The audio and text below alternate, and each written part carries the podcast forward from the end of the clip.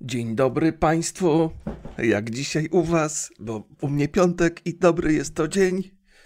Dzisiaj startuje Olimpiada i pewnie oglądacie właśnie ją teraz, bo z mojej perspektywy to się zacznie za godzinę 20 minut, więc pewnie jak będę kończył podcast, to sobie odpalę internety i zobaczę. Eee, to jest tak, ceremonia otwarcia Igrzysk Tokio 2020 e, o 20.00 czasu japońskiego, co oznacza, zdaje się, godzinę 13.00 czasu polskiego. Ale jak nie będzie dostępna w internecie, to sobie nie obejrzę. Tak, sporty to tak. Sporty mnie interesują, jak sobie je uprawiam w zaciszu domowym. Przeróżne, yy, ale tak już oglądać to nie. Wolę sobie pograć jakąś gierkę, poczytać jakąś książkę, obejrzeć jakiś serial. No taki jestem.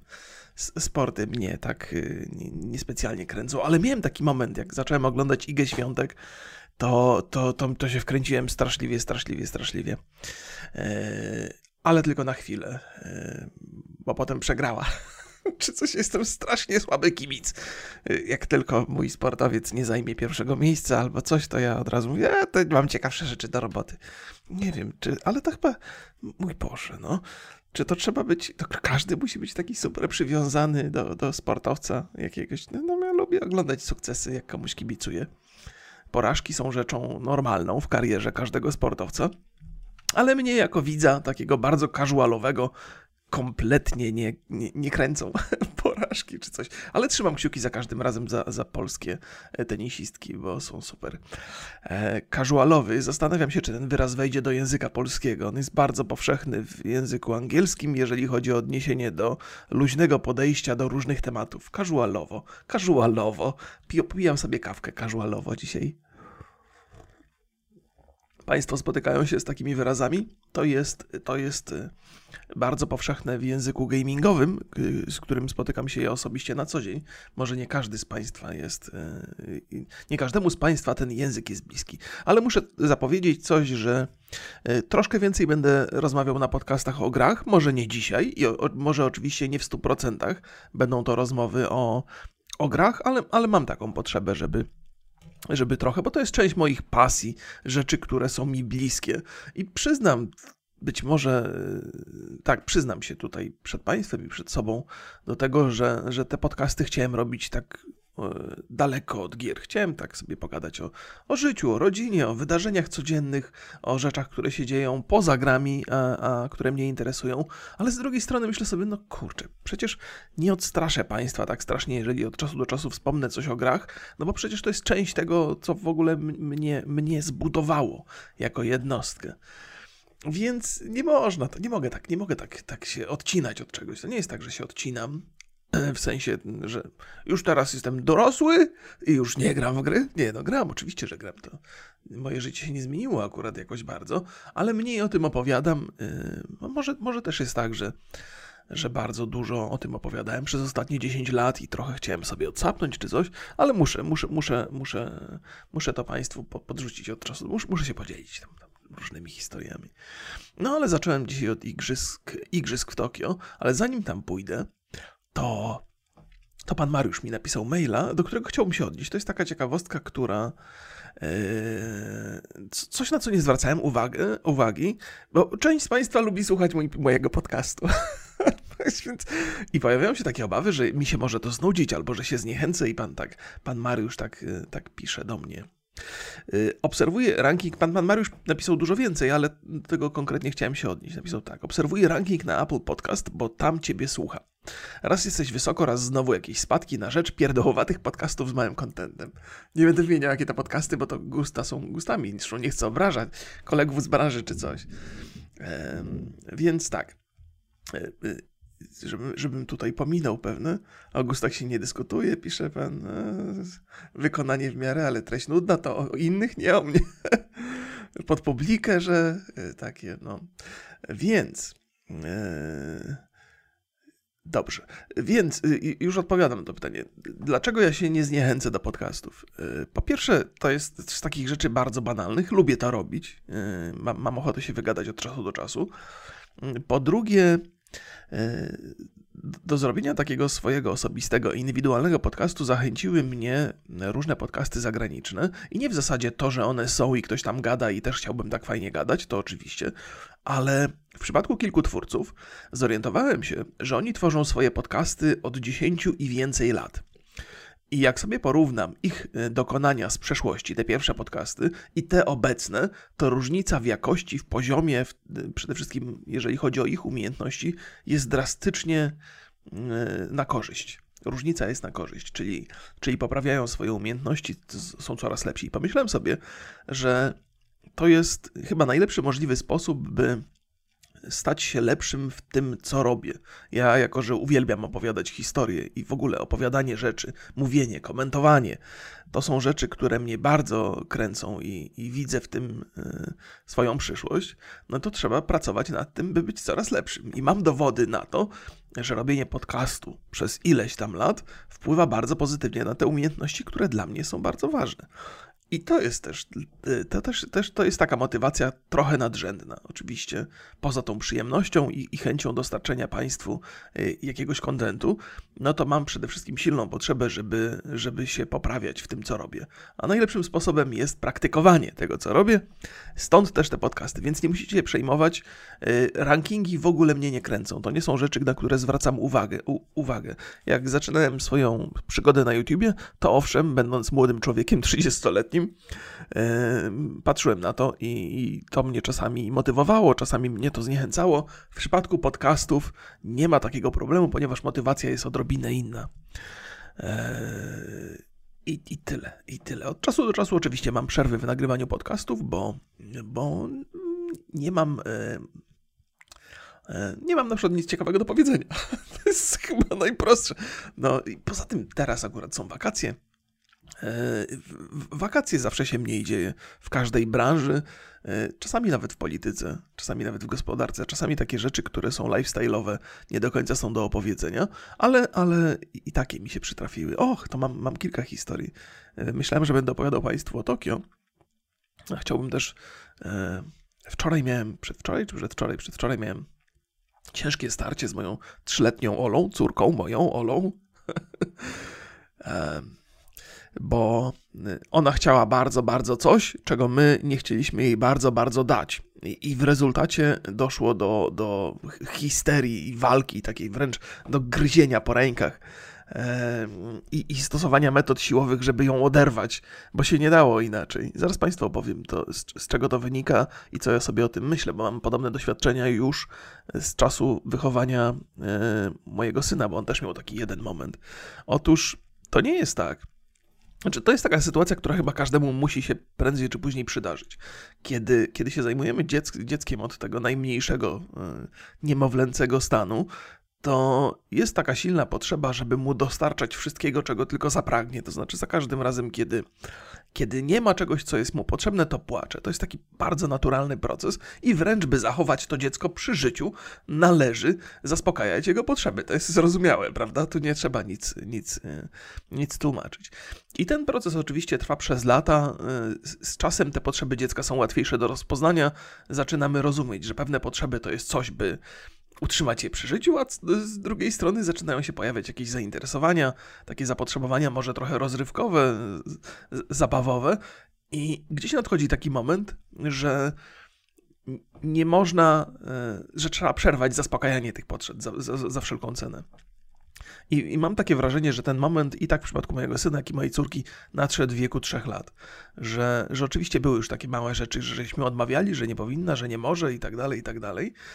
Ale to, to, to, to było takie mocne zderzenie z rzeczywistością, kiedy ona chciała coś bardzo, bardzo, a my wiedzieliśmy, że nie możemy jej tego dać i, i myślę, że to było bardzo widowiskowe, bo odbyło się w centrum handlowym.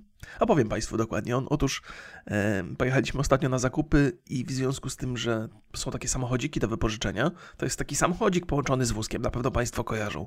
Więc dziecko sobie siedzi, kieruje tym samochodzikiem, a my z góry wrzucamy sobie zakupy. To bardzo jest e, łatwe do, to pomaga opanować dziecko. Nasza córka raczej jest spokojna na zakupach, ale to na pewno sprawiło jej dużo frajdy. No i przy następnej wizycie w tym samym e, sklepie już żeśmy nie szli na zakupy, ona koniecznie chciała wsiąść do tego samochodziku i pojeździć tym samochodzikiem, na co zgody wyrazić nie mogliśmy. No i doszło do, do, do takiej do, do afery, afery w sklepie, do krzyków, wrzasków, płaczu, szarpania się. No nie, nie, nie byliśmy w stanie tego opanować.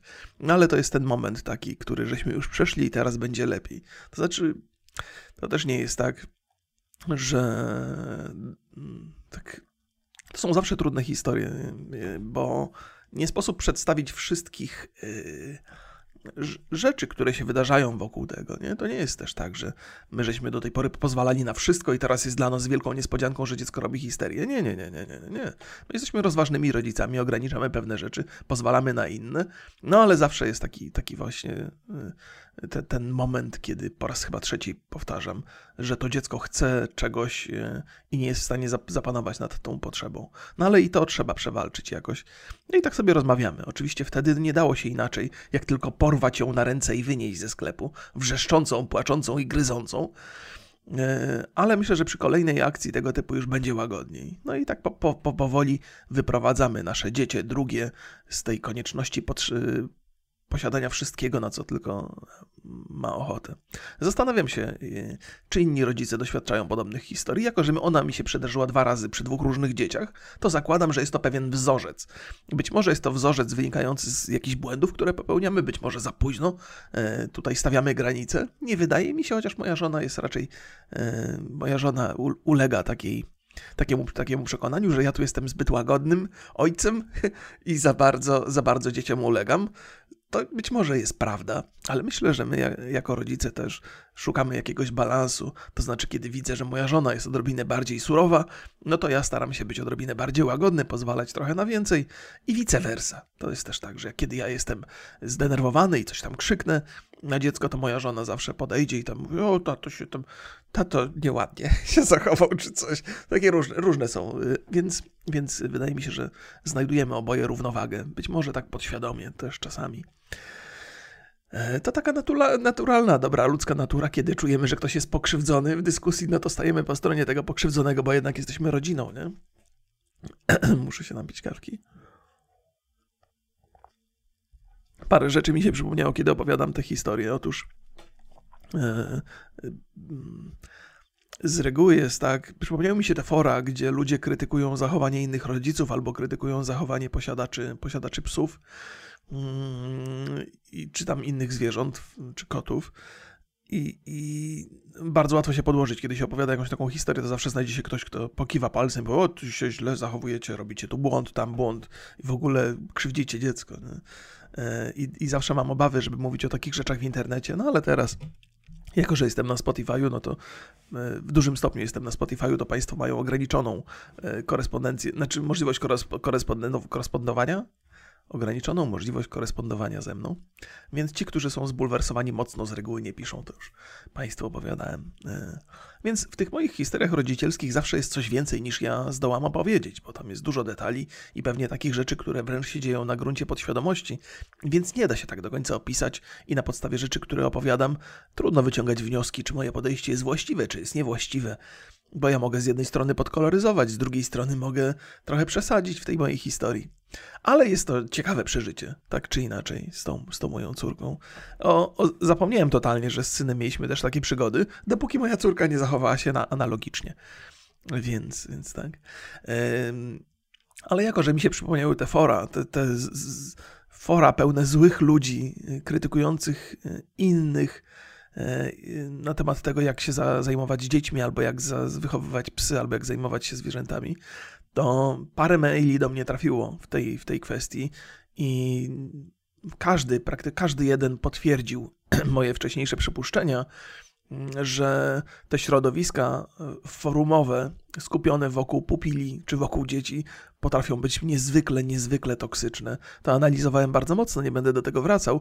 Natomiast trafił do mnie mail, który mnie mocno zaniepokoił. Otóż pisał do mnie e, widz zagraniczny, którego pozdrawiam bardzo serdecznie. Już teraz nie znajdę tego maila, więc przepraszam, że nie, zap nie zapamiętałem ale powinienem zapamiętywać. Nie, to, to nieładnie, bo Państwo też piszą i lubią, kiedy, kiedy kiedy celnie wskazuje Spróbuję sobie tutaj wstrzelić się. Na przykład pani Beata też pisała mi o, o tych zwierzętach.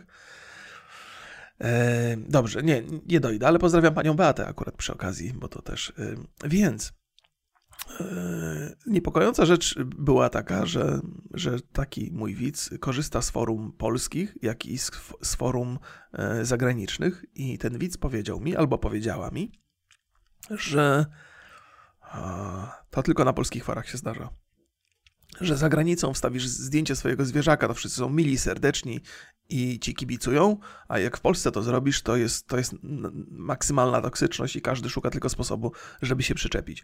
I to mnie zaniepokoiło, bo oczywiście nie wiem, czy to jest prawda, bo to może być interpretacja tej, tej konkretnej os osoby, może ta, na takie rzeczy trafiła, ale z, z reguły miałem takie doświadczenia z Polakami, że niezależnie od tego, jak bardzo jestem zły, bo spotykam e, Polaków w przestrzeni internetowej, którzy mnie irytują, to często, kiedy rozmawiam z człowiekiem z zagranicy, to on powtarza te same e, rzeczy o swoich e, rodakach. Czyli jak na przykład rozmawiam ze Szwedem i mówię, a kurde, nie gram na tym serwerze, bo Polacy straszliwie źle się zachowują. On mówi, no ja też nie gram na tym, na tym, na tym serwerze, bo nie mogę patrzeć na to, co Szwedzi młodzi robią. Nie? Więc, więc ch chyba coś takiego jest, że nasze negatywne cechy są wspólne, niezależnie od narodowości. I do tej pory to mi się sprawdzało w każdej sytuacji. Natomiast te, e, ta kwestia dotycząca zwierzęcych chorów zdaje się być, przynajmniej wedle jednego widza, przypisana tylko do Polaków, że ta toksyczność jest tylko w polskim środowisku i to jest niepokojące. Nie chciałbym, żebyśmy byli mm, rozpoznawalni w internecie przez taki typ zachowań. To byłoby zaskakujące i przykre. E, wydaje mi się, że tak bardzo się nie, nie, różnimy od innych narodowości. Pewnie jakieś tam cechy kulturowe są, zwłaszcza im dalej się od Europy Środkowej przemieszczamy ale jednak y, wydawało mi się, że ludzie do tej pory są y, podobni i nie chciałbym, żeby Polacy byli tak akurat w tej materii, żeby się wyróżniali, żeby się różnili od innych, więc jeżeli macie jakieś przemyślenia w tej sprawie i doświadczenia osobiste, to, to dajcie znać. Jako, że mam dużo widzów zagranicznych, to, to oczywiście bardzo mnie cieszy, bo pewnie wpadacie tutaj, żeby trochę posłuchać języka polskiego też od czasu do czasu. To jest być może z tęsknoty. Bardzo się cieszę, że, że słuchacie podcastu zamiast oglądać telewizję polską. Na przykład. E, to, to, to miłe jest. No i tam też, też jest tak sporo narzekań na, na Polaków, rodaków gdzieś za granicą, że, że, no, że lepiej trzymać się z daleka. Ale to jest akurat chyba to, to nie jest coś, co nas wyróżnia, Polaków. Podejrzewam, że pozostałe narodowości mają dokładnie ten sam problem, kiedy gdzieś tam jakieś imigracje, emigracje się przydarzają. Więc nie sądzę, żebyśmy się akurat tutaj negatywnie wyróżniali. No ale te psie fora i dziecięce fora to, to, to jest coś, co mnie trochę zaniepokoiło. Więc, więc mam nadzieję, że tak nie jest. No ale trochę wskazuje na to, że być może, że być może owszem, to niedobrze, że tak się wyróżniamy. No ale wracając do tego Tokio, szczęśliwego bądź nieszczęśliwego. To jest kolejne wydarzenie sportowe, w ogóle wydarzenia sportowe bardzo wspominam ciepło przez pryzmat oglądania tego z ojcem. Ja myślę sobie, że niewiele było takich sytuacji, gdzie spędzałem czas z ojcem, żebym był w pełni zadowolony z tego czasu. On mnie zawsze, znaczy zawsze, bardzo często, na tyle często brał mnie do roboty, że to zawsze wymagało jakiegoś wysiłku, musiałem rezygnować ze swoich przyjemności, więc ciężko było wokół tego zbudować jakąś, um, jakieś dobre wspomnienia, ale żeśmy bardzo dużo sportu oglądali. To znaczy mój tato przede wszystkim lubił oglądać sport i ja uwielbiałem uwielbiałem za każdym razem, kiedy, kiedy był jakiś wyścig, to żeśmy zgadywali, kto wygra, jaki będzie czas, kto z nas będzie bliżej tego czasu ostatecznego. I to, to bardzo sympatyczne i, i, i ciepłe uczucia buduje we mnie. Budowało wtedy i teraz, teraz ciepłe wspomnienia. Więc sport. Y, y, sport dla mnie w kwestii oglądania to jest coś, co powinno się robić z, y, w towarzystwie, nie, nie, samemu. Że samotne oglądanie sportu jest pozbawione takich tej, tej takiej ulotnej kibicowskiej wartości, nie? że tam lokalnie e, lokalnie tworzymy sobie jakąś grupę znajomych kibiców i oglądamy razem i że to jest świetna, świetna okazja też, żeby się spotkać pewnie. Mm, Amerykanie mają taką skłonność, że jest na przykład y, Super Bowl albo jakieś ważne mecze, jakaś drużyna gdzieś tam gra, to się spotykają na grilla, gdzieś tam yy, leci ten mecz, leci ten sport, gdzieś w przerwie między meczem sobie gadają i przychodzą z żonami na przykład, bo ostatnio właśnie słuchałem takiej historii gdzieś na jednym z podcastów i pomyślałem sobie, o, jakie to sympatyczne jest, że tak, że tak wokół drużyny się ludzie potrafią e, zebrać. W Ameryce jest chyba odrobinę łatwiej, bo to jest duży kraj, e, jest, e, jest ten futbol amerykański, który jest bardzo lokalny, w tym sensie, że drużyny lokalne stanowią jakby w świadomości mieszkańców danego miejsca, są bardzo obecne. Natomiast w Polsce Polska też się wydaje sporym krajem, ale mimo tego rzadko kiedy się myśli tak lokalnie. Jest, jest że, że na przykład kibicujemy, kibicujemy naszej drużynie wrocławskiej, w piłkę nożną, czy, czy siatkarzom, czy, czy koszykarzom. E, koszykarzom chyba trochę chodziłem gdzieś tam, na paru meczach byłem tej tutaj wrocławskiej drużyny. Już nie pamiętam, dawno temu jeszcze jak na studiach byłem. Ale, ale generalnie się chyba nie, ludzie tak nie, nie ekscytują tym, co się dzieje lokalnie. Jeżeli kibicujemy to Polakom gdzieś na jakichś występach takich polskiej reprezentacji, mm, natomiast lokalnie no to już są takie małe klubiki i te klubiki niestety nie kojarzą mi się zbyt dobrze, bo, bo byłem kiedyś e, na meczu piłki nożnej, tu wrocławskiej, wrocławskiej takiej, takim, takim meczu mm, towarzyskim. Oni grali z niemiecką drużyną i niemiecka drużyna dwie, dwie, dwie, dwa gole im e, wstrzelili. No i polscy kibice z tego sektora, e, takich kibiców zagorzałych, po prostu non-stop krzyczeli spierdalajcie, spier z nazwą tej drużyny niemieckiej, nie? I to tak przez ostatnie 20-25 minut meczu. I jak to oglądałem, to mówię, no nie, to jest ostatni raz, jak idę na stadion. Z jednej strony my tu siedzimy sobie, to chyba z Borysem byłem jeszcze, na długo przed podcastami. E, I, i bawimy się dobrze, tam rodziny z dziećmi i tak dalej, a tam, kurde, cały sektor taki powiedzmy jedna ósma stadionu z góry na dół, ziomkowie krzyczą spierdalajcie, to jest strasznie antysportowe. Zresztą opowiadałem Państwu w tym podcaście, że nienawidzę kibolstwa, chyba taki był tytuł podcastu. To mnie zniechęca i takie środowiska to nie chciałbym, nie chciałbym, nie chciałbym w tym uczestniczyć. Wolałbym, nie chciałbym tego widzieć nawet. I oczywiście pewnie to są super fajne chłopaki, tylko po prostu pasja ich zeżarła, czy coś. Ale pasja to jest coś pozytywnego. Nie, nie można pa pasjami nienawidzieć kogoś tam. Zresztą sport jest tak, jaki jest. No, czasami się wygrywa, czasami się przegrywa. Trzeba, trzeba szacunek mieć do rywala. No. Zresztą w ogóle w sporcie przegrywanie oczywiście rzeczą jest bolesną. Natomiast yy, najwięcej się nauczysz przegrywając. No. To jest, zawsze trzeba, yy, zawsze trzeba obcować z ludźmi, którzy są lepsi od was, bo dzięki temu możecie skorzystać. Jak się obcuje z ludźmi, i po to, by mieć pewność, że się jest najlepszym z nich wszystkich, no to nasz, no, nasz rozwój jest zatrzymany, nie? W ogóle warto sobie stawiać, warto sobie stawiać wyzwania i, i, i, i warto, żeby też e, ludzie, którzy są blisko nas, też nam jakieś wyzwania stawiali. Nie? Tak uważam, tak uważam. I w sporcie to jest jak najbardziej obowiązujące. No i co, ja tak o czym ja opowiadałem? Ach, opowiadałem o tym sporcie. Znowu, znowu się dygresje wdarły, ale to Tokio. Szczęśliwe bądź też nieszczęśliwe. Tam oczywiście dzieją się rzeczy. Cały czas jest cały czas kwestia COVID-u. COVID-u, COVID-a, jak to się odmienia? E, I problemów już tam jacyś sportowcy e, pozytywne mieli, mieli testy. Wydawało się, że tam w tym Tokio super będą zabezpieczenia. Ta olimpiada miała się odbyć z, chyba rok temu. E, do, do, co, co się nie wydarzyło, no bo, no bo kwarantanny i restrykcje. Ale czuję, że tam, jak już na tym wczesnym etapie jest tyle zarażeń, no to nasi sportowcy mogą wrócić tacy. Chociaż może to akurat przypadkowe, może to początek, może to byli sportowcy, którzy przywieźli to ze sobą, czy coś. O, co mi wyskoczyło? Spicy avocado. Max Burgers. O, przepraszam, to nie jest reklama. Wyrwało mi się, bo tu leci mi przy tym artykule o Tokio. I zobaczyłem burgerka. Y, ostre awokado, ja uwielbiam awokado. Jeszcze ostre. U! Awokado i jalapeno. Muszę pokombinować, bo mam, kupiłem sobie słoiczek jalapeno y, i nie, nie wiem do czego tego użyć. I jak teraz kupię awokado, to zrobię...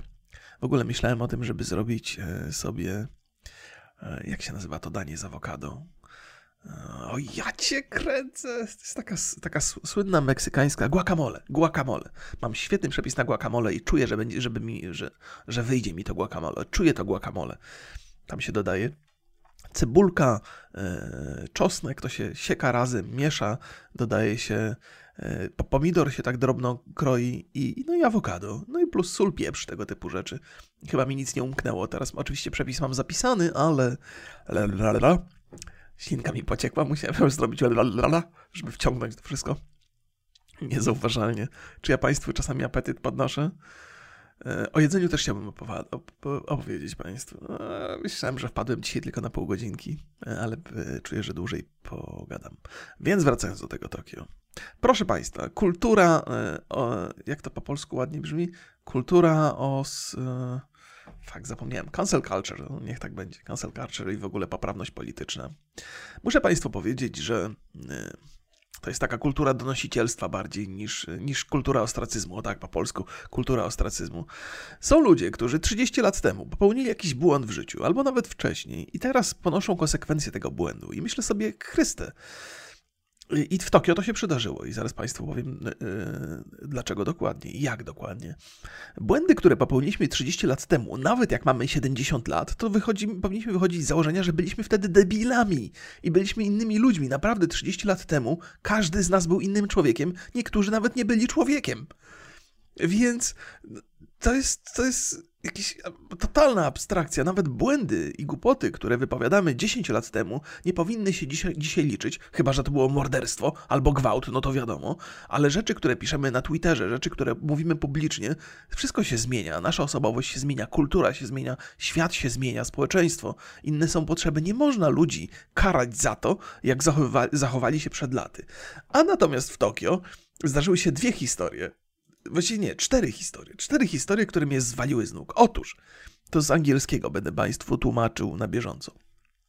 W zeszłym tygodniu e, kompozytor e, musiał się wykluczyć z, z, z, tej ekipy robiącej muzykę, ponieważ odkryto, że w młodości prześladował e, kolegów z, w szkole. I to takich kolegów, którzy byli kalekich kolegów? Jak się, jak się, jakiego wyrazu się używa teraz, by zastąpić kaleki, bo kaleki jest pejoratywne.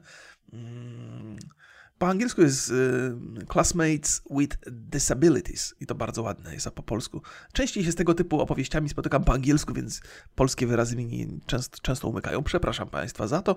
Będę nad tym pracował przez najbliższe 10 lat.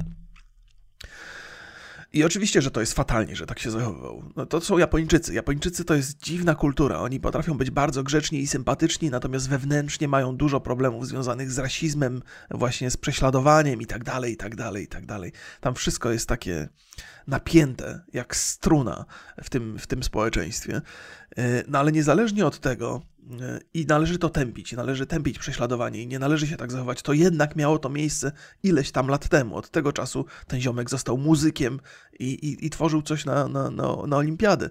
Czy w związku z tym, że się zachował jak, jak, jak najgorszy szmaciarz w młodości, to teraz całe jego dorosłe życie ma być tym e, piętnowane? Może tak, może to jest aż taki skrajny przypadek, że należy go piętnować przez całe życie, no ale był dzieciakiem, był głupi. No, myślę, że gdzieś tu jest jakaś granica. Powinien publicznie przeprosić za to, co robił e, i powiedzieć, że no, w jego życiu dużo rzeczy się wydarzyło od tego czasu, że zrozumiał swój błąd. No, zrozumiał, skoro odszedł od tej ekipy, nie?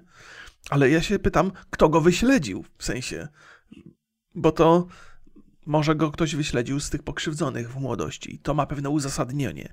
Ale bardzo często tego typu śledztwa wykonują ludzie, którzy totalnie nie są związani z całą sprawą, ale lubią te swoje detektywistyczno-donosicielskie mm, zapędy.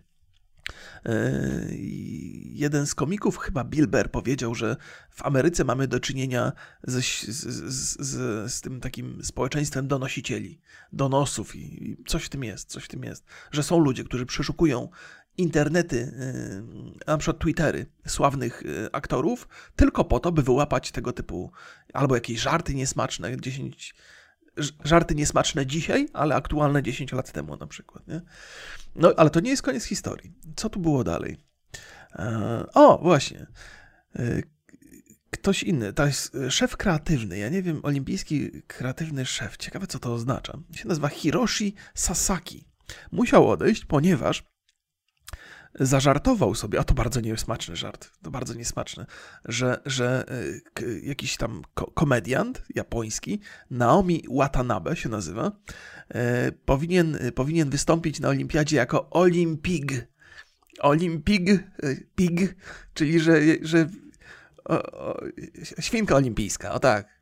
I to oczywiście jest, za co przeprosił później, ale to niczego nie zmieniło. Musiał odejść, bo to niesmaczne najwyraźniej e, w przekonaniu wielu osób. To jest jakby też trochę, trochę pasuje do mojej, mojego myślenia na temat Japończyków, bo tam lubią trochę tak poprześladować się nawzajem, czy to w pracy, właśnie w dorosłym życiu oni też ciągle e, tam e, ostracyzm jest, jest, jest chyba częścią japońskiej kultury, plus całej masy dobrych rzeczy, żeby nie było, że ja tylko po tych Japończykach jeżdżę, natomiast jestem wobec nich podejrzliwy i wiem, że tam się dzieją niepokojące rzeczy. No i tak czy inaczej, no poleciał tutaj z tej ekipy co też nie jest uzasadnione. W sensie, oczywiście, że to jest bardzo niemiłe, że ktoś się na, na, nabija z grubasa, ale gdyby to była zasada, e, jakiej należałoby stosować wobec, e, wobec e, wszystkich, to część moich widzów, duża, musiałaby w ogóle wy, wypisać się z internetu. Bo ile razy ja byłem nazwany grubasem, to nie powiem. Dużo razy. Zraniło to moje uczucia nieraz, ale też przy okazji zmotywowało mnie to do tego, żeby e, zrzucić do, do, do dnia dzisiejszego 27 kg i dziękuję za to szkalowanie. Ono było niemiłe i zakładam, że ludzie, którzy to robili, są niesympatyczni do dzisiaj, ale jednak w moim przypadku to, to przyniosło jakiś pozytywny skutek. Było jakby kolejną cegiełką do, do moich przemyśleń na temat nadwagi. A to jest bardzo ważne w życiu, żeby nie, być, nie, nie mieć tej nadwagi. Za każdym razem, kiedy o tym myślę, to staram się zastanowić, a iluż to jak grubasków widzę w 70-letnich? No niewielu. I nie jest to przypadek. Więc jeżeli chcę pożyć dłużej, niż na przykład 56 y, lat, to, to, to trzeba, trzeba, trzeba, trzeba walczyć ze swoimi y, y, z otyłością. tak upraszczając. Do otyłości jeszcze wrócę, bo dostałem też fajnego maila związanego właśnie z nadwagą. No, ale żarty żartami. No więc wydaje mi się, że mm, w związku z tym, że jeszcze wracając do otyłości i żartowania i śmieszkowania z otyłości, w związku z tym, że stało się to gdzieś po drodze takim tematem tabu, że jest takie określenie e, fat shaming, czyli że nie wolno, nie, nie wolno za, zawstydzać ludzi otyłych, co jest moim zdaniem poważnym błędem, jak zresztą mój przypadek e, udowadnia. Trzeba zawstydzać ludzi otyłych, bo to może być kolejna znaczy trzeba, nie, to tego nie chciałem powiedzieć. Nie trzeba, no niektórzy po prostu czują się dotknięci i nadal z tym nie są w stanie nic zrobić, bo to jest no bo tak już jest. Ale, ale to często pomaga i, no, i chcemy wszyscy być zdrowi, silni i żyć długo i cieszyć się dziećmi i wnukami, nie? Może warto czasami przełknąć jakąś obelgę, e, jeżeli ona ma szansę zmienić nasze niewłaściwe podejście do życia. No ale to jest, to jest kiedyś z Państwem opowiadam, kiedyś Państwu opowiem dokładnie. Często o tym wspominam, bo to jest rzecz, która mi siedzi w głowie bardzo mocno, dotyczy mnie przecież. Mm, ale mam dużo przemyśleń takich na temat otyłości, walki z otyłością i, i, i czego, lub, czego nie lubiłem w, w sobie. I to, ułożę to sobie w głowie kiedyś. To może być fajna rozmowa. E, no, więc tutaj taki żart pana Hiroshi Sasaki spotkał się z jego odejściem, ale to nie jest koniec historii. E, to nawet więcej będzie historii. Jeszcze co, co to jest jeszcze czwarta? Mm, o, tak. Yoshiro Mori co on powiedział? To jest, to jest coś chyba bardziej świeżego. To były niewłaściwe uwagi na temat kobiet. E, I. A, już wiem, już sobie, że facetowi się nie podobało, kiedy w spotkaniach e, takich służbowych uczestniczyło zbyt wiele kobiet, ponieważ, jak powiedział publicznie, kobiety gadają tak długo, że przez to te spotkania są dłuższe niż powinny być. I uważam, że to jest żarcik, i być może jest on dzisiaj niesmaczny. E, I uważam wcale, po pierwsze, jakby żeby wszystko było jasne, to jest stereotyp, wcale nie uważam, że kobiety gadają więcej niż, e, niż mężczyźni, zwłaszcza w moim przypadku jest to bardzo nietrafiona teoria. Chociaż e, kiedy dużo gadam do mikrofonu, natomiast w spotkaniach towarzyskich raczej jestem cichy, i, i, staram się nie zabierać głosu, więcej słucham niż opowiadam, więc może mój przypadek nie jest wcale taki zaprzeczający tej teorii.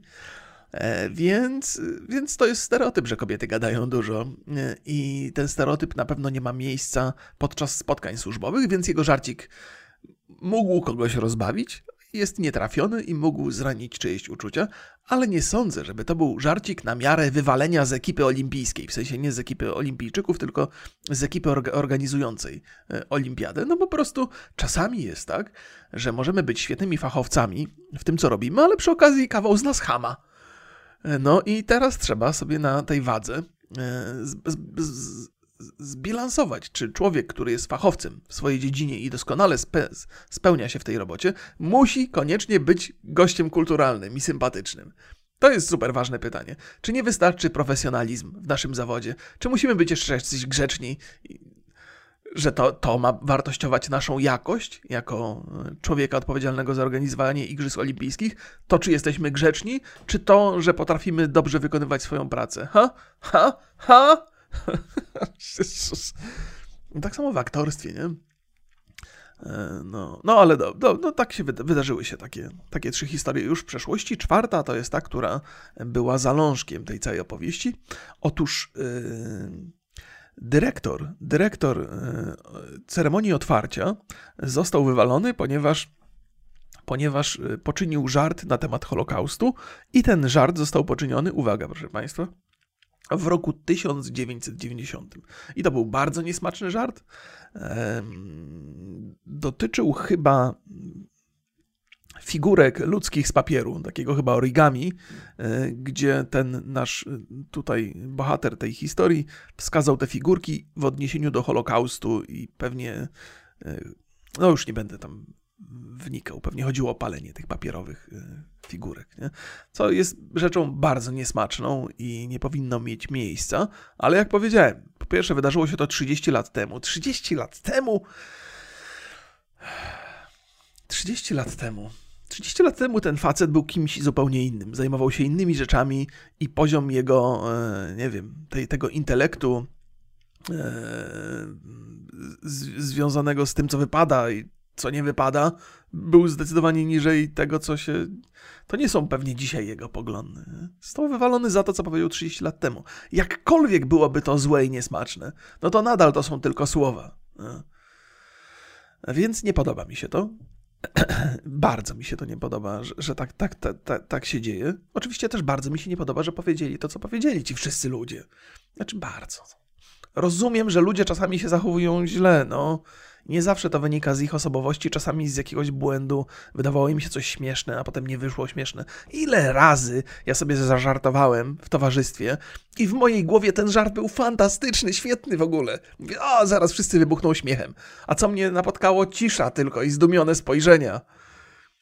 No to jest normalne, no jeżeli chcesz opowiadać od czasu do czasu żarty, no to rzucisz czasami czymś, co jest nieśmieszne, albo niesmaczne, albo niesympatyczne, albo złe wręcz. No, no i czasami żart nawet z drastycznych rzeczy potrafi bardzo dobrze wejść, a czasami może się totalnie nie udać. No i interpretacja tego po latach jest hmm, taka, jaka jest. W ogóle zaskoczony jestem, że Japończycy mają rozterki tego typu. Myślałem, że to są bardziej amerykańskie problemy, ale wydaje mi się, że w związku z tym, że jest to olimpiada międzynarodowa, jakby światowa, no to y, wobec Japończyków zastosowano takie przerysowane amerykańskie zasady wręcz.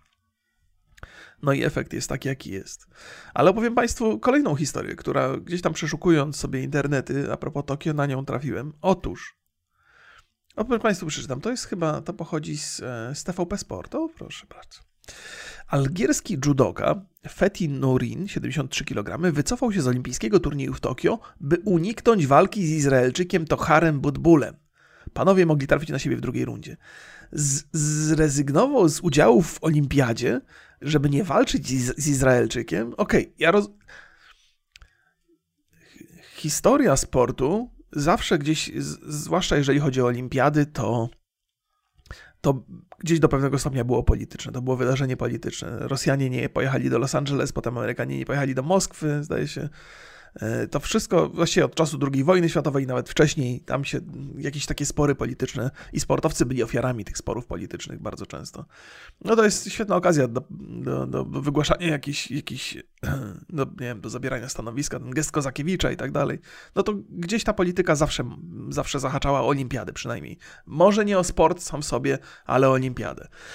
Z reguły do tej pory miałem okazję poczytać o kilku takich wydarzeniach i pewnie Państwu nie opowiem dokładnie, ale kiedy, kiedy spotykały się ze sobą reprezentację dwóch krajów albo zawodnicy dwóch krajów i te kraje pałały do siebie niechęcią z, z, z, z historycznego punktu widzenia albo z politycznego, no to te, te, walki, te starcia były niezwykle brutalne, niezwykle ostre, niezwykle angażujące. Oczywiście to zaangażowanie było niesportowe i czasami było to niesmaczne, natomiast dochodziło do starć, do takich ostrych, brutalnych starć. Było więcej, było widać, że chodzi tam o więcej niż tylko sport, ale zawsze dochodziło do tych walk pierwszy raz spotykam się z taką sytuacją, że sportowiec odmawia udziału w turnieju, jeżeli przedstawiciel innego kraju bierze udział w tym turnieju. To jest coś, co, co powinno być naprawdę mocno piętnowane, bo po pierwsze zakładam, że nie jest to wybór tego sportowca. Podejrzewam, że jest to wpływ, być może on o tym decyduje, że nie chce się mierzyć z tym, z tym Izraelczykiem, ten, ten algiers, algierski zawodnik.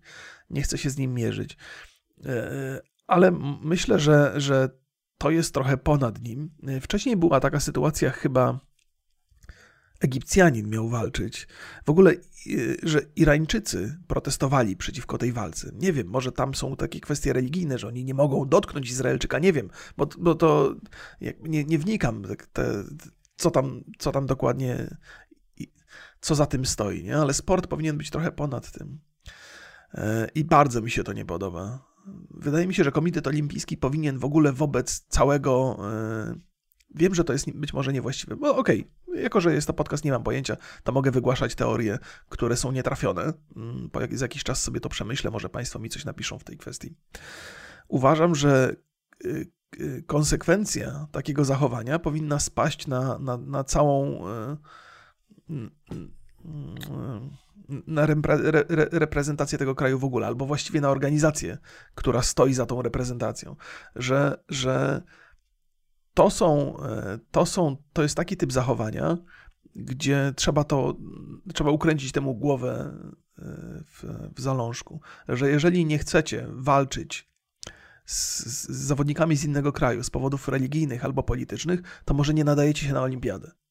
W sensie takim, że olimpiada to jest coś ponad to, to jest coś ponad podziałami. W teorii tak powinno być. Wiadomo, że historia pokazywała inaczej, ale idea nadal pozostaje tą ideą, że to jest ponad podziałami.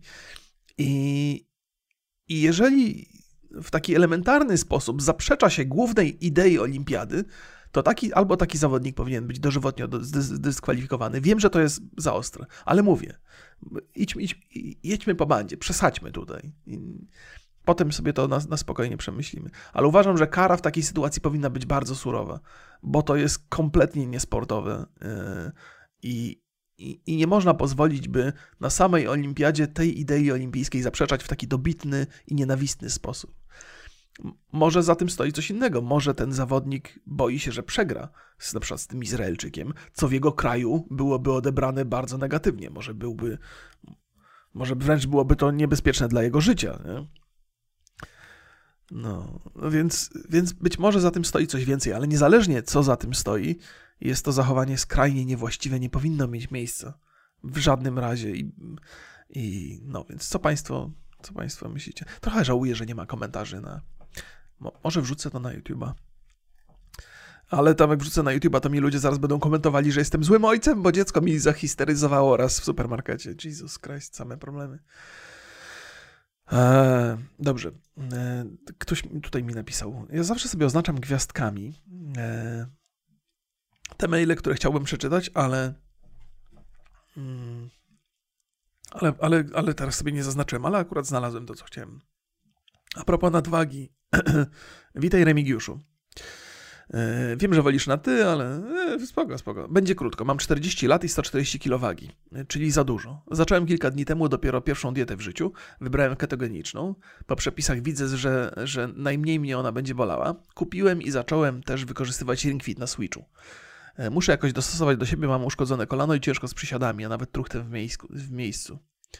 E, do diety, jak i do Ringfit zainspirowałeś mnie ty, więc dzięki. Ja bardzo się cieszę. Super, super. Bardzo się cieszę, że nie muszę was wyzywać od grubasów, tylko powiem, że sam trochę pracuję nad sobą i to może kogoś zmotywować. E, no, to jest tak, że 40 lat to jest taki moment, kiedy warto, w, warto przemyśleć parę rzeczy, bo już teraz jest z górki, nie? Wszystko było jasne. Jest z górki, nie? E, więc, więc warto by było stracić, stracić na wadze. To, co powiedziałem, no nie ma, nie ma zbyt wielu staruszków z nadwagą.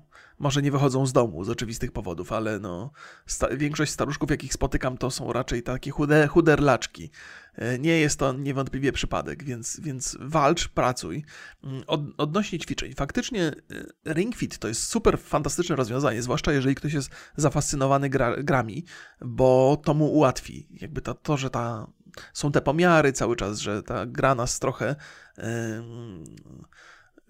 że nam trochę gratuluje, że nam pomaga, że nas motywuje, to jest, to jest dobra rzecz. E, faktycznie pewnym problemem jest to, że masz, masz problem z kolanem, bo w dużym stopniu tam, tam się bardzo mocno opiera to na przysiadach. Ja też jestem ostrożny ze swoimi kolanami, ale widzę, że, że mnie e, już są takie momenty, że mnie ta gra, gra dopycha mnie do ściany, że miałem ostatnio taki kurs do przejścia gdzie praktycznie od początku do końca e, jest taka platforma, na którą się staje i trzeba robić przysiady. Przysia robiąc przysiady, jakby pompuje się tę platformę i ona się przesuwa do przodu. I trasa, którą musiałem pokonać, była tak piekielnie długa i czasami pod górkę, że myślałem, że skonam. Po prostu jak skończyłem to ćwiczenie, to padłem na, na podłogę. I krzyczałem z bólu. No nie, nie, nie, to nie, w innym przypadku krzyczałem, ale byłem totalnie, totalnie wypompowany. Więc te przysiady są takim dosyć ważnym elementem ringfita, więc możesz mieć z tym problemy. Natomiast co ci polecam? Po pierwsze się nie zniechęcaj, mimo że moja historia, rób te ćwiczenia, które zostały dla ciebie sporządzone w ramach tego adventure trybu e, i do tego momentu, kiedy będziesz to w stanie robić.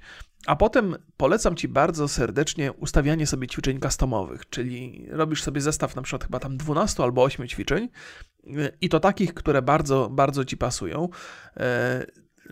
Wiem, że bieganie i takie bieganie w miejscu jest fantastyczne do cardio. Przysiady też są fantastyczne do cardio, ale też są inne rzeczy, które świetnie się do tego e, sprawdzają. E, ku mojemu zaskoczeniu. To są takie, takie ruchy, które przypominają e, boks na przykład, że się, że się macha rękoma do przodu.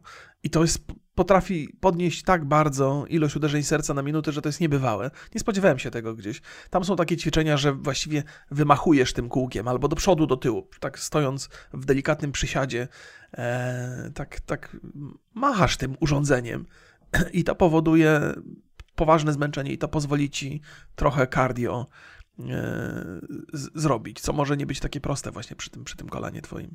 W innym przypadku może nie być to takie proste. Ale znajdziesz swoje, znajdziesz swoją ścieżkę i bardzo dobrze, że, że, że się za to, za to bierzesz. E, dieta keto, ona faktycznie boli najmniej, ale, ale jest, to jest dosyć trudna dieta. E, I ja, ja się troszeczkę z niej wypisałem, to znaczy jakby cenię jej niskowęglowodanowość, natomiast lubię od czasu do czasu sobie zjeść pizzę, raz na miesiąc, to nie, nie za często, to albo zjeść sobie sushi, gdzie jest ryż, też są węglowodany i to niestety potrafi bardzo mocno namieszać w tej, w tym... Yy, w tej równowadze ketogenicznej, która się wytwarza w Twoim organizmie. Ja nie wiem, czy jest coś takiego w ogóle jak równowaga ketogeniczna. Ja to tak nazywam, że ten proces, procesy, procesy związane z ketonami działają w sposób prawidłowy, zgodnie z, z przyjętymi zasadami tej, tej diety, że to tam trzeba być mocno zdyscyplinowanym. Nie jest to trudna dieta, jest to przyjemna dieta dla kogoś, kto lubi dobrze zjeść, ale, ale trzeba uważać. Warto sobie robić badanie krwi. E, I ja na razie trochę z tego zrezygnowałem, ale to Państwu opowiem przy okazji. Zrezygnowałem i sięgnąłem po raz kolejny po dietę pudełkową. I to też nie, nie będzie reklama, przynajmniej nie będzie reklama płatna, ale podam Państwu nazwę firmy, bo Ostatnio ja, bardzo lubię gotować i bardzo dużo gotowałem przez ostatnie przez ostatni rok praktycznie. I trochę mi się znudziło teraz. E, od czasu do czasu idziemy na grilla z żoną, właśnie jutro sobie robimy grilla. Ja, moja żona i moja córka. Mój syn pojechał do dziadków, więc jego ten grill ominie, niestety, bo moje grille są najlepsze na świecie. Mm, I no i wtedy sobie coś tam, coś tam zrobimy fajnego. Natomiast y, znudziło mi się gotowanie. Potrzebuję trochę odsapnąć sobie, odpocząć. Już, już mnie tak to, to nie kręci bardzo. I postanowiłem zamówić dietę pudełkową. Ostatnio pudełka y, jadłem ze dwa lata temu. W sensie pudełka. Oczywiście, haha, pudełka jadłeś, haha. No zawartość tych pudełek niech tam będzie. Tym śmieszkom.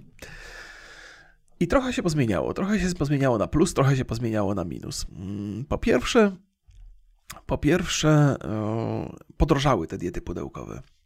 E, I no taką zamawiam, gdzie wręcz jedzenie na cały dzień może kosztować nawet 100 zł. To jest, to jest dosyć dużo. No, stać mnie na to, ale czuję, że no, dużo taniej gotowałem sam sobie, a, a, a schlebiałem sobie tymi różnymi smakowitymi rzeczami. E, I zdrowymi przy okazji, więc, więc trochę przepłacam. No ale mam to jedzenie, to jest oczywiste, nie? że no, płacę za coś konkretnego, płacę za tą usługę i, i, płacę dużo. Natomiast to, co się pozmieniało, więc to jest taka zmiana na minus z tymi dietami pudełkowymi. Teraz zamówiłem sobie 2000 kalorii. Ja spalam każdego dnia między 2600 a 3000 kalorii, łącząc takie naturalne spalanie plus aktywność, więc będę miał duże nadwyżki i powinienem stracić na wadze. E, boję się oczywiście też trochę o, o, o mięśnie, bo jednak ciągle ćwiczę i głupio tak ćwiczyć i, i nie dostarczać odpowiedniej ilości kalorii, żeby, no bo to mięśnie nie? potrzebują materiału, z którego, które, z którego są budowane. Z jednej strony podczas procesu budowania mięśni spalany jest tłuszcz, ale z drugiej strony trzeba mieć z czego te mięśnie budować, więc trzeba dostarczać tych protein i tak dalej, i tak dalej, więc muszę uważać na to, żeby moje, moje ćwiczenie nie straciło sensu. No ale jakby od tygodnia korzystam z tej diety pudełkowej, więc, więc sobie wypracuję jakieś tam e, jakieś podejście do tego. E, dobra, o, minusy to była ta cena. Natomiast plusy są takie, że przynajmniej miejsce, w którym ja teraz zamawiam, pozwala na bardzo swobodne manewrowanie menu. E, każdego dnia dostajesz 5 posiłków i każdy z tych posiłków możesz sobie zmienić. Tam masz do wyboru ze 40 chyba e, propozycji. W rezultacie jesteś w stanie ułożyć sobie menu z rzeczy, które ci smakują. I to jest fantastyczna rzecz, bo Wcześniej po prostu byłeś skazany na to, co się przytrafiło, i czasami zdarzały się takie dni, że wszystkie pięć potraw totalnie mi nie pasowały. I patrzyłem na to pudełko z niesmakiem, niechęcią i z nienawiścią, bo wydałem pieniądze na coś, czego nie tknę nawet palcem. Więc to było bolesne doświadczenie. Teraz jestem na etapie testowania, więc nie wszystkie potrawy rozróżniam i nie wiem, czy im będą smakowały, ale już częściowo zaczynam sobie dobierać z takim e, i okazuje się, że większość tych rzeczy jest bardzo smaczna, przynajmniej mi odpowiada. Więc to jest duża zmiana, że można sobie wybrać, co chcecie na jaki dzień. Nawet jeżeli nie macie ochoty na obiad, to możecie sobie zamówić drugie śniadanie, które tym razem ma tam 625 kalorii, bo tyle ma, tyle ma obiad. E, I i to jest ekstra. Z reguły w tych takich pudełkowych dietach mięsa e, nie są zbyt dobrze robione. One są bez smaku, mają taki, taki na przykład kurczak taki ma smak, jakby został wyjęty z rosołu. Jest taki wygotowany, pozbawiony tych, tych, tych soków, te, te, tego smaku i nie przyprawiony zbyt dokładnie, bo zakładam, że te, te, ci kucharze tam starają się nie przesadzić z przyprawami, bo nie każdemu pasuje taki albo taki, więc to jest bardzo, bardzo nijakie, bardzo, bardzo średnie więc z reguły rezygnuję, kiedy jest mięso i zamawiam sobie coś innego. Gulasze zawsze dobrze wychodzą, bo w gulaszu to mięso e, stanowi część e, staje się częścią tego sosu, więc nawet jak jest wygotowane, no to ten smak zostaje w tym gulaszu, więc to im z reguły wychodzi, ale takie mięsa, na przykład jakieś kotlety, e, sauté, nie, nie są nigdy dobre, więc, więc tego unikam. Więc możliwość wymiany tych potraw jest, jest fantastyczna, plus jeżeli wiem, że gdzieś wyjeżdżam, o, na przykład po południu, to mogę sobie zrezygnować z trzech posiłków, e, czyli zamiast pięciu zamawiam tylko dwa na dany dzień i to jest normalna opcja i się oszczędza w ten sposób. Nie trzeba być skazanym na te 5, 5 i potem wyrzucać trzy z nich, bo się nie zmieściło. Więc to jest duży plus. Bardzo, bardzo się to, to na plus zmieniło. Catering, z którego teraz korzystam, nazywa się Black Monkey Cooks. Wiem, że nie powinienem tego mówić, bo, bo to zabija jakąkolwiek ewentualną współpracę, z której, na której mógłbym skorzystać finansowo, ale chciałbym Państwu powiedzieć, bo, bo może ktoś jest ciekaw, może ktoś szuka e, i tu z, rezygnuje ze swoich grubych dolarów, żeby, żeby Państwu coś być może ułatwić. E, a wcześniej, wcześniej korzystałem z wygodnej diety, e, taka, taka, taki catering, i oni też, i oni chyba nie mają tam możliwości podmiany tych potraw, co dla mnie jest takim deal breakerem dzisiaj obecnie, że, że no więc, więc ta, ta czarna małpa, Black Monkey Cooks, to oni chyba mają taką stronę, no sprawdza się pod tym względem bardzo, bardzo, bardzo. Więc, więc pochwalam, ale będę jeszcze testował przez, przez e, przynajmniej do końca wakacji, może trochę dłużej, przeanalizuję sobie to, jak, jak cenowo wychodzi. E, jako, że można zrezygnować z części posiłków, to zawsze mogę doprowadzić do takiej sytuacji, że zamawiam sobie na przykład śniadanie, podwieczorek i kolację, a resztę rzeczy robię w domu, więc oszczędzam, przy okazji robię rzeczy dobre, nie spędzam tyle czasu przy kuchence, więc jest elastyczność tej diety bardzo, bardzo, bardzo mi, bardzo mi pasuje. E, no, no i tyle Państwu, państwu przekazać chciałem dzisiaj e, odnośnie tutaj mojego 40-letniego słuchacza z nadwagą. Uważaj na to keto. To jest, to jest rzecz, która jest bardzo fajna i dosyć prosta, ale trzeba, trzeba się mocno zdyscyplinować. Cieszę się bardzo z tego ringfita twojego, ale też, też ostrożnie, żeby nie przesadzić, żeby nie przegiąć to jest zawsze taki problem, że czasami nie wiesz, czy czegoś nie robisz z obawy przed kontuzją, czy z obawy przed zmęczeniem, że no, no ale ja też mam, też mam problem z kolanami i muszę, muszę je oszczędzać i czasami, czasami te ćwiczenia potrafią mnie totalnie zniszczyć. Ale, ale żadna kontuzja mi się nie, nie powtórzyła, nic mnie nie boli jakoś tak bardzo. Jestem dużo silniejszy niż byłem, dużo sprawniejszy, więc zauważam jakiś progres. Zakładam, że ten Ring Fit robi to dobrze. Tam też można dostosować poziom trudności, więc, więc po prostu e, obniż go sobie na maksimum na początku i potem stopniowo podnoś, jeżeli będziesz czuł potrzebę. I myślę, że to, że, że to powinno się sprawdzić. E, zakładam, że ten Ring Fit dla każdego użytkownika jest odrobinę inny. Jako, że tam poziomów trudności jest niezwykle dużo, ta rozpiętość ćwiczeń jest bardzo szeroka, więc, więc myślę, że znajdziesz coś dla siebie. Jakby nie, nie jestem w stanie przećwiczyć na każdym możliwym poziomie, by wyrobić sobie opinię, ale to jest mądre oprogramowanie. E, to, to trzeba o tym Switchu powiedzieć, o tym ringficie przede wszystkim, że to jest mądre oprogramowanie i robi na mnie bardzo pozytywne wrażenie. E, no, no i ostrożnie z tymi dietami. Y, I daj znać, jak tam ci się, jak tam ci się toczy to wszystko. A jeszcze na koniec powiem Państwu, jakie to było, jaki to był zestaw ćwiczeń, który mnie totalnie zabił. W sensie, że się położyłem i krzyczałem z bólu przy ostatnim ćwiczeniu. Otóż robiąc tego ringfita, yy, no to jest jakby cały taki ten tryb przygody jest zrobiony w postaci takiej opowieści, że przechodzi się z punktu do punktu. Czasami są tam ćwiczenia gimnastyczne, czasami są tam jakieś biegi połączone z ćwiczeniami, czasami jakieś walki z potworami, które pokonujesz przy pomocy ćwiczeń przeróżnych. Bardzo sympatyczne, jakaś tam historyjka się toczy. Nie do końca istotne, jaka to jest historyjka. I trafiłem na taki tryb ćwiczeń, gdzie e, obciążane były mięśnie brzucha, musiałem koniecznie uzyskać poziom B, żeby przejść dalej. I było pięć ćwiczeń skupionych na, mięśnia, na mięśniach brzucha, część takich, takich trochę opartych na, na, że się leży na podłodze, podnosi się nogi w specyficzny sposób, część takich, że się gdzieś tam w skłonie delikatnym i część takich trochę opartych na jodze, czyli y, utrzymuje się pozycję w bardzo określony sposób przez dłuższy czas i ten program mierzy, mierzy ten czas, czy ja, czy ja dotrzymam. I jest tam taki zestaw pięciu ćwiczeń i ja mam dosyć mocne mięśnie brzucha, nigdy na to nie narzekałem ale jak doszedłem do piątego ćwiczenia, to między jednym powtórzeniem a drugim po prostu krzyczałem z bólu, bo myślałem, że, że, że skonam. I to ostatnie było ćwiczenie oparte na, takich, na takim podejściu. No, to było ćwiczenie jogi, no. Nie wiem, jak to odmienić. I trzeba było ten na maksa wysilone mięśnie, wcześniej wyeksploatowane przy wcześniejszych ćwiczeniach, utrzymać w jednej pozycji przez dłuższy czas, oddychając przez nos.